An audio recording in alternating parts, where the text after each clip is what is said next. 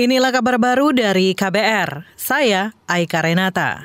Menteri Koordinator Bidang Politik Hukum dan Keamanan yang juga Ketua Komite Tindak Pidana Pencucian Uang TPPU Mahfud MD menyebut sejumlah langkah bakal Satgas lakukan untuk mensupervisi kasus transaksi mencurigakan sebesar 349 triliun rupiah.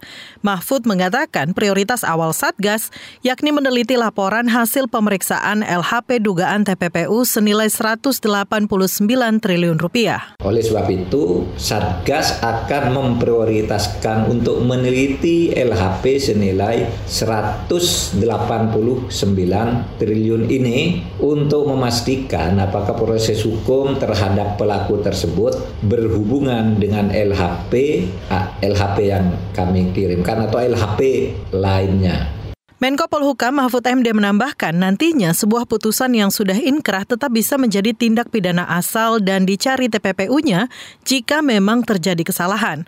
Komite TPPU memutuskan membentuk Satgas untuk mensupervisi kasus transaksi mencurigakan dengan nilai agregat 349 triliun rupiah. Kita ke informasi lain. Kapolri Listio Sigit Prabowo mengatakan bakal menindak tegas oknum anggota yang tidak menjalankan patroli dan pengawal atau patwal sebagaimana mestinya di lapangan. Hal itu menurutnya merupakan komitmen Polri mewujudkan keamanan, keselamatan, ketertiban, dan kelancaran lalu lintas untuk semua masyarakat. Kegiatan pengawalan harus dilakukan secara humanis ketika membuka jalan dan mengutamakan kendaraan lain yang lebih penting, seperti contohnya ambulan ataupun pemadam kebakaran. Khusus untuk kegiatan masyarakat, pengawalan hanya dilakukan untuk memastikan ketertiban rombongan di jalan dan apabila tidak mendesak, harus tetap mematuhi peraturan lalu lintas serta tidak boleh mendapatkan prioritas. Kapolri Listio Sigit Prabowo telah mengeluarkan surat telegram ST nomor 651 garis miring 2023 tentang pengawalan lalu lintas.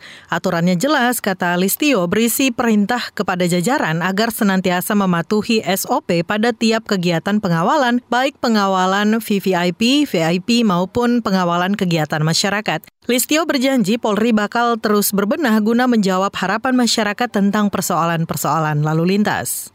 Kita bergeser ke Sumatera Barat. Badan Penanggulangan Bencana Daerah BPBD Bukit Tinggi melaporkan adanya potensi longsor susulan usai peristiwa gempa dan tanah longsor di wilayah itu.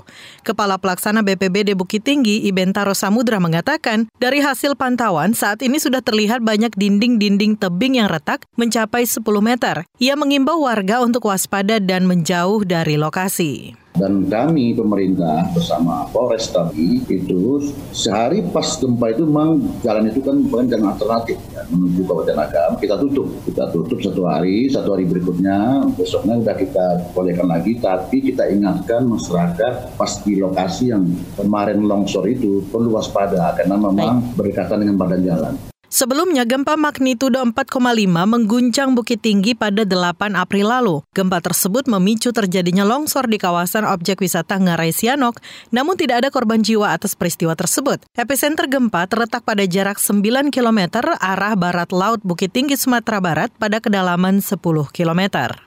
Demikian kabar baru dari KBR. Saya Aika Renata.